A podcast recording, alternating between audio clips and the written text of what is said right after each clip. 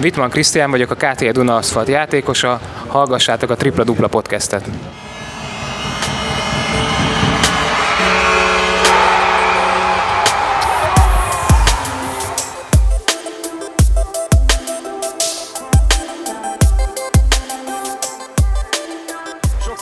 Köszöntöm a Tripla Dupla Podcast hallgatóit. A Szolnoki Olajbányász az egyetlen hazai felkészülési meccsét vívja a Kecskemét ellen, és természetesen a podcastnek is itt a helye, mint ahogy jó pár száz Szolnokinak is, hiszen az egyik oldali lelátó egész szépen megtelt erre a barátságos mérkőzésre. Megkérdeztem Jakab Mátét arról, hogy miért csak egy hazai felkészülési meccset játszott ebben a felkészülési időszakban is az Olajbányász, illetve Pallai Tamás, aki most csak civilben nézi a mérkőzést, ő is elmond néhány gondolatot, úgyhogy ők következnek most. A Tripla Dupla Podcast természetesen kint van az egyetlen hazai felkészülési mérkőzésen, amikor is a Szolnoki olajbányász ellenfele a Kecskemét. Jakab Máté ül éppen mellettem, a bemelegítés kellős közepén járunk. Máté, rögtön egy kérdésem az lenne, hogy miért van az, hogy minden évben maximum egy hazai felkészülési meccs van, és inkább az idegenbeli tornákat, illetve meccseket részesítitek előnyben? Üdvözlök én is mindenkit. Azért döntöttünk az ilyesfajta felkészülés mellett, mert azt gondoljuk, hogy a szezon során nagyon fontosak lesznek az idegenbeli mérkőzések. Új, igazából egy teljesen új keretünk van, új légiósokkal, új magyar játékosokkal, és szerettük volna azt a szituációt modellezni, hogy minél több mérkőzést játszunk idegenben, hozzászokva az idegenbeli körülményekhez, játékvezetéshez, ellenfelekhez, akár egy ottalváshoz, és egy, akár egy külföldi vagy egy idegenbeli helyszínen történő edzésnek, úgyhogy ezért preferáltuk az idei felkészülés alatt ezt a rengeteg idegenbeli mérkőzést. Még egy meccs ugyan hátra van, de ha értékelni kéne a felkészülést, akkor mit tudnál mondani? Azt gondolom, hogy nagyon nehéz felkészülésen vagyunk túl, hiszen ahogy erről beszéltünk, rengeteg idegenbeli mérkőzés volt. A találkozóink nagy többsége rendkívül fizikális volt. Nagyon örülök, hogy tudtunk külföldi csapatokkal játszani, hiszen teljesen más szintet képviselnek, mint a magyar csapatok. Valódi jó, agresszív védekezés ellen tudtunk gyakorolni. Azt gondolom, hogy ezek a mérkőzések a hasznunkra fognak válni. Itt is az utolsó felkészülési mérkőzésen is igazából a gyakorláson van a hangsúly. Természetesen hazai közönség előtt szeretnénk megnyerni a mérkőzést, de még mindig vannak olyan elemek, amiket akár itt szeretnénk először elsütni. A múltkor elfelejtettem tőled megkérdezni, ez a személyes kíváncsiságom. Annak idején, mikor szombathelyen Peri bedobta a dudaszós győztes triplát, amivel bajnokok lettünk, te mit gondoltál, mi hagyta el a szádat abban a pillanatban, és ez most itt egy olyan podcast, ahol nyugodtan lehet káromkodni, és az őszinte emlékedre vagyok kíváncsi. Igazából pont a napokban néztem meg ezt a mérkőzést, vagyis az utolsó egy percet nagyon-nagyon jó volt visszanézni, tényleg nagyon jó érzések keringtek bennem, amikor néztem vissza a mérkőzést. A, megvan még az a pillanat, amikor, amikor Szarvas Gábor edző kollégámmal szólunk a játékvezetőknek, hogy az 1,1 másodpercet állítsák vissza 1,8 másodpercre, és nézzék vissza a videón, hogy a Gomeznek az utolsó dobása mikor haladt át a hálón. Akarom azt hinni, hogy ez az 1,8 másodpercre való felalkudás is döntő lehetett abban a szituációban. Hú, bazd meg! Köszönöm, hogy valahogy valami ilyesmire tippeltem volna. Még egy kérdés, te ugye, aki a scoutingért vagy felelős, a múltkori podcastet, mikor csináltuk, ugyan előtte hivatalossá vált, de nem kérdeztem meg. Derin Govens Alba, mit szólsz ehhez? Főleg ugye, mert az Alba lesz az első ellenfelünk. Így van, nagyon jól ismerjük Derrick Owens-t, ugye. Egyrésztről nagyon egy olyan játékos, akit már többször feltérképeztünk, többször készültünk ellene, így tudjuk az erényeit, tudjuk a, a hátrányait is.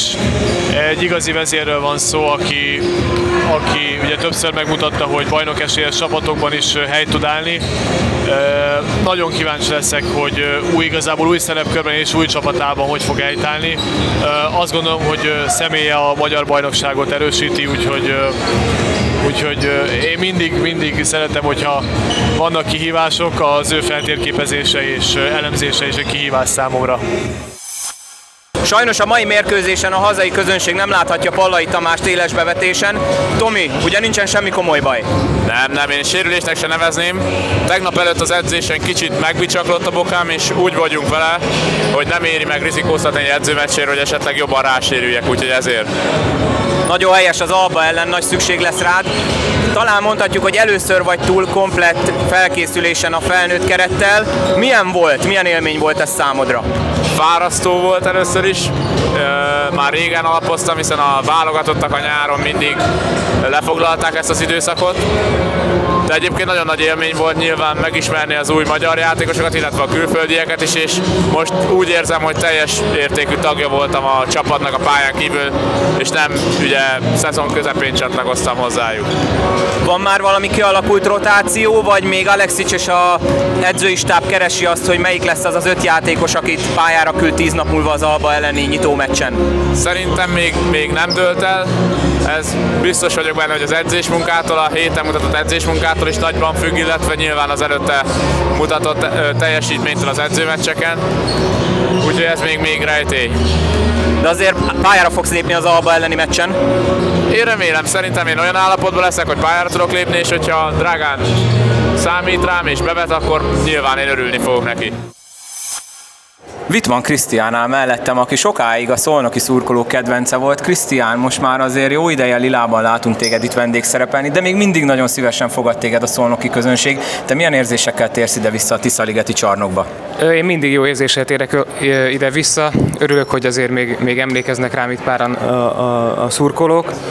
Nagyon sok szép évet töltöttem itt, nagyon sok jó meccset játszottunk itt a, a szolnoki közönség előtt, úgyhogy mindig jó érzéssel jövök ide-vissza. Relatíve már idős játékosnak számítasz, viszont még mindig nyomod a válogatottban, Kecskeméten. Szóval a nyaraid valószínűleg nem a pihenéssel és a vakációval telnek. Hogy bírod még ennyi idő után is ezt a erőltetett menetet? Hát mondjuk, hogy még lendületben vagyok. Most már ugye nem nyáron van a, a, a válogatott összetartás, hanem most már ugye a szezon közben, év közben van, úgyhogy most már a, a nyarak egy kicsit, kicsit könnyedebbek de, de hát ugye most már van két gyermekem is, úgyhogy, úgyhogy én napközben se pihenek, tehát végig, végig lendületben vagyok, azt szoktam erre mondani, hogy én mindig edzésben vagyok, csak valamikor a csarnokban, valamikor otthon. Felkészüléseteket hogyan értékelnéd?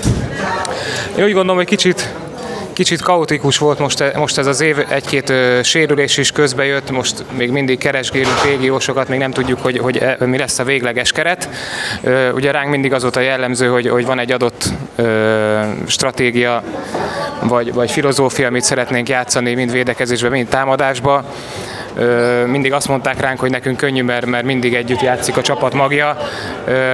Ugye most már ez így évről évre csökken, most már csak hárman vagy négyen maradtunk abból a, abból a magból, aki mindig együtt játszik, úgyhogy, úgyhogy most elég sok érkező volt, akit be kell építeni ebbe a rendszerbe és mondom, ez a sok sérülés, ami közben jött, az se segített, úgyhogy, úgyhogy most még egy kicsit rosszabbul állunk, mint, mint, mint mondjuk tavaly vagy tavaly előtt, de szerintem amire kezdődik a bajnokság, addigra rendben leszünk. Lehet valami elvárást megfogalmazni, vagy kaptatok valami ö, iránymutatást a vezetőségtől, hogy mi az elvárás?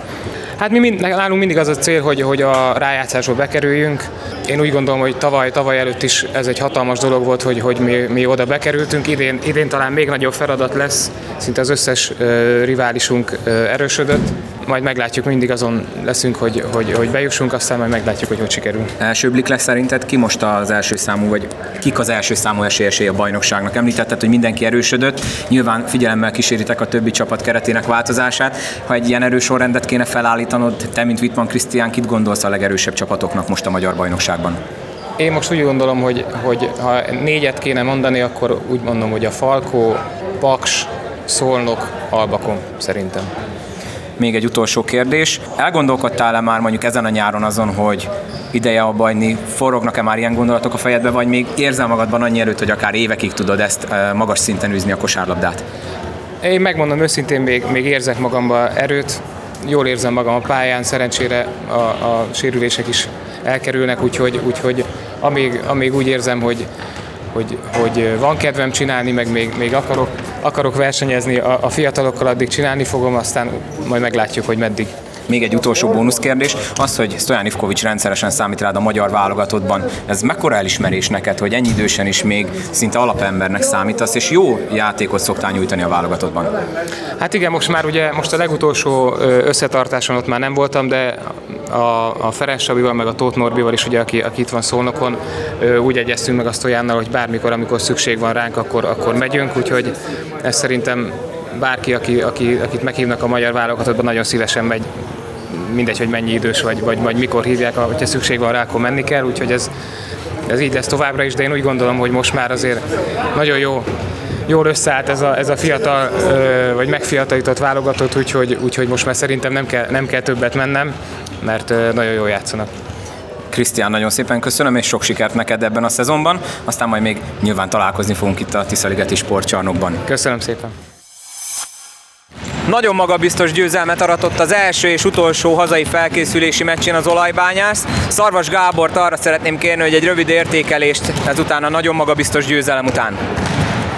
Igen, magabiztos volt, főleg, hogyha a különbséget nézzük, 92-68 lett a végeredmény, de igazság, igazság szerint annak örülünk inkább jobban, hogy a debreceni mérkőzés után jelentősen léptünk előre, elsősorban mentálisan. A, ami külön tetszett az edzői stábnak, hogy megvan a csapatnak a karaktere, sikerült a héten helyre tenni Spirit Smithnek a, a, úgymond a fejét, hiszen eléggé egyénieskedő játékot mutatott be Debrecenben. Én azt gondolom, hogy a mai mérkőzésen mutatott teljesítménye abszolút kielégítő volt, négyből négyszer volt eredményes a három pontos vonalon túról, de emellett ami a legfontosabb volt, hogy nagyon szépen kontrollálta a csapatnak a játékát, rengeteg gólpaszt adott, meg volt diktálta a mérkőzésnek a támadásban a, ritmusát, a csapatot irányította, szóval ez volt a legfontosabb előrelépési faktorunk. A másik pedig Demetris Moránnak a, a szerepe, hiszen emlékezhetünk rá, hogy az utolsó debreceni meccsen nagyon gyorsan kipontozódott, gyakorlatilag ötös center nélkül játszottuk végig a mérkőzést, és eléggé sújtotta ezzel a csapatot, most végig a pályán tudott lenni Mitch. Én azt gondolom, hogy nagyon fontos ö, oszlopa lesz a védekezésünknek, emellett támadásban is eredményes volt, és egy eléggé vaskos dupla-duplát hozott össze a, az utolsó felkészülési mérkőzésen, tehát kettő olyan, olyan fontos elem lépett előre a játékunkban, ami hozta magával a többieket is öten dobtak két számjegyű pontot, illetve ketten még kilenc ponttal fejezték be. Az utóbbi években ezt már megfigyeltük az olajnál, hogy csapategység van, nincsen kiugró, pontszerző, maximum csak extrém esetekben. Idén is ezt várjátok a csapattól, hogy szépen megoszlanak a terhek. Ugyanakkor vannak ugye olyan játékosok a keretben, ezt Jakab Mátéval beszéltük, hogy például André Jones, akár Speedy Smith, aki a kell, viszont a kezébe tudja venni akár a pontszerzést, mint ugye annak idején Vojvoda Dávid. Igen, kezükbe veszik, illetve sokan dobunk 10 pont fölött, de, de ki lehet jelenteni, hogy nincsen egyénieskedő játékosunk. Amit az előbb mondtam, Speedy Smithnek nagyon fontos a szerepe ebben a csapatban. Én azt gondolom, hogy a tavalyi év után végre van egy igazi karakteres irányító játékosa a csapatnak, ami mellett mindenki biztonságban és mindenki tudja a saját szerepét, mindenki biztonságban játszik és mindenki tudja a saját szerepét. Nagyon fontos volt még az is az előrelépés szempontjából a Debrecen után, hogy nagyon sok olyan támadásunk volt, ahol legalább két-három betörés volt, és mindenki kereste a jónál jobb helyzetet, és kereste a csapattársának a helyzetét, így voltunk sokszor eredményesek. Emellett én azt gondolom, hogy van két olyan mezőnyjátékosunk, Smith és, és, és, és John személyében, aki, hogyha forró helyzetek lesznek, magukat fogják tudni vállalni a, a vezérszerepet, és el tudnak dönteni egy-egy, egy-egy szoros mérkőzést. Aki kint volt, azt láthatta, hogy tényleg nagyon szépen folyt a játék, jó figurákat játszottunk, sokszor volt végre üres dobóhelyzet a végén. Az edzői stábnak, illetve neked Nyilván nem lehetett tökéletes meccs. Milyen hiányérzeted maradt? Mi az, amit még a bajnoki rajtik hátralévő időben mindenképp javítani kell? Én azt gondolom, hogy a, a periméter játékosok, tehát a, az 1-es, 2-es, 3-as poszton játszó játékosok eredményesek voltak, tényleg ahogy mondtad, szépen ment a labda, kereste mindenki a, a másiknak a helyzetét. Amiben kell még az utolsó tíz napban előrelépnünk az Albakon mérkőzésig, hogy meglegyen az egyensúly a külső és a belső játék között. Nagyon sok triplát dobtunk, 24-ből 13 triplát értékesítettünk 54%-kal, ami azt gondolom, hogy ezt tudjuk szezon szinten hozni, nem érheti kritika, viszont nagyon fontos, hogy megtaláljuk a belső játékot is. Itt Morant, illetve, illetve Nemanja Krisztics szerepét kell tudatosan megjátszani őket alsó poszton. Nagyon fontos lesz majd, hogyha Jós Levente visszatér, hogy meglegyen, még egyszer mondom, meglegyen az egyensúly a külső támadás és a belső játék között. Én úgy éreztem, hogy többször bekerült a labda, akár Kriszticshez, akár Morenthez ezen a mérkőzésen, de rendre azt keresték, hogy hogyan, tudják, hogyan tudnak ebből úgymond megszabadulni és kipasszolni a, a, a külső dobóknak a labdát. Nagyon fontos, hogy, hogy, hogy belülről is eredményesek legyünk, ezen fogunk dolgozni az utolsó tíz napon, hiszen oké, okay, Morent dobott ezen a mérkőzésen 11 pontot, de, de mind-mind ilyen leosztott labdákból volt, aliup passzokból volt, ami nyilván... Két bődületes ami volt a mérkőzés elején. És, és a közönség nagyon fogja ezt szeretni, de kell az, hogy alsó poszton megkapja, bedolgozza a, a labdát, és esetleg amikor a duplázó védekező játékos érkezik, akkor passzoljon. Inkább az volt, az volt a, ebben a kritizálható elem, hogy rögtön, ahogy bekerült hozzá a labda, már menekült tőle, és tette kifelé a labdát. Ezen kell dolgoznunk, hogy türelmesebben dolgozzon az alsó poszton, mind, mind Krisztis, mind, mind Moránd, és hogyha vissza fog térni, akkor pedig Jós Levente. Ha már Jós Levente szóba került, még bekötött, ha jól láttam, talán be is gipszelt kézzel ült itt a kispadon. Ő neki mennyi idő, mire felépülés játszhat, illetve van-e még rajta kívül olyan, akire nem biztos, hogy számítatok, tehát komolyabb sérüléssel bajlódik, hiszen ugye ma például Pallai Tomi sem öltözött be, de ő azt mondta, hogy nem olyan komoly a probléma. Igen, Palai Tominak egy pár nappal ezelőtt billent meg a bokája az egyik edzésen, Két-három napot írt elő neki az orvosi stáb, hogy mindenféleképpen pihenje ki, hogy nehogy valami komolyabb komplikáció előlépjen. Ő ezt letöltötte, véletlenül a holnapi NB1-B-s edzőmeccsen már fog pályára lépni, tehát ez nem hosszú, nem komoly sérülés. A szemitájvó valamelyik edzésen, egy pár nappal ezelőtti edzésen egy bődületes zsák után kipördült a lába, és szerencsétlenül érkezett a talajra, nagy ütést kapott a derekára, ő szintén egy ilyen sérülést pihent ki ezen a mérkőzésen. Emellett a, a visszatérve Juhos Levire hétfőn veszik le neki most már a gipszet, más egy könnyebb rögzítést fog kapni. Én azt gondolom, hogy egy két-három hét után remélhetőleg már be tud csatlakozni a, a csapatedzésekbe, de minden dicséret a Levié, hiszen egyetlen egy napot sem hagyott ki gipszel a kezén, végzi el a, a fizikális edzéseket, tehát én azt gondolom, hogy fizikális lemaradása nem lesz. Nyilván nem előny egy kosaras számára, hogyha pont a jobb keze, pont a, az ügyesebbik keze van hosszú ideig keresztül gipszben. Ezen fogunk dolgozni, hogy, hogy, hogy ez a hosszabb kihagyás ne látszon meg a játékán. Nagyon szépen köszönöm Szarvas Gábornak a kimerítő értékelést egy edzőmeccs után is, és akkor a legközelebb értékelésünk már egy tétmeccs után fog megvalósulni. Így legyen, van még tíz napunk az Alba ellen, szezonnyitóra, ahova, ahova várunk mindenkit, hiszen azt gondolom, hogy egy, egy nagyon-nagyon nagyon-nagyon kemény mérkőzés vár ránk, de győzni szeretnénk a szezonnyitón. Ugyan tévés meccs lesz, de én is arra biztatok mindenkit, hogy jöjjön ki és élőben szurkoljon, tomboljon az olajbányásznak az első sikerért. Most sem volt rossz hangulat attól függetlenül, hogy felkészülési meccs volt, és igen, szép számú közönség jött ki. Szóval látszik, hogy azért éhesek a kosárlabdára a ki szurkolók, és ha maiból indulunk ki, akkor valószínűleg nagyon jó minőségű, illetve nagyon jó színvonalú meccseket fogunk látni. Igen, és köszönjük a szurkolást, most már várjuk mi is a szezon rajtot. Még annyit mondja Gábor, hogy ha jól tudom, vasárnap már a zöld csoportos csapat játszani fog. Igen, játszani fog. Vasárnap 5 órakor kezdődik a fiatalok számára az NB1-B-s bajnokság. Ennek érdekében játszunk egy edzőmeccset még csütörtökön, hogy tudjanak a fiatalok összekovácsolódni. Szépen elvégezte mindenki a nyári munkát. Azt gondolom, hogy a fiatal csapat is, a fiatalabb csapat is, fiatalabb, a csapatnak a fiatalabb játékosa is készen állnak arra, hogy megkezdődjön a szezon. Természetesen a Tripla Dupla podcastben majd ővelük is fogunk foglalkozni, és Szarvas Gábor akkor majd sokkal inkább kifejtheti a nézeteit a fiatalokról, illetve az NB1-s csapatról.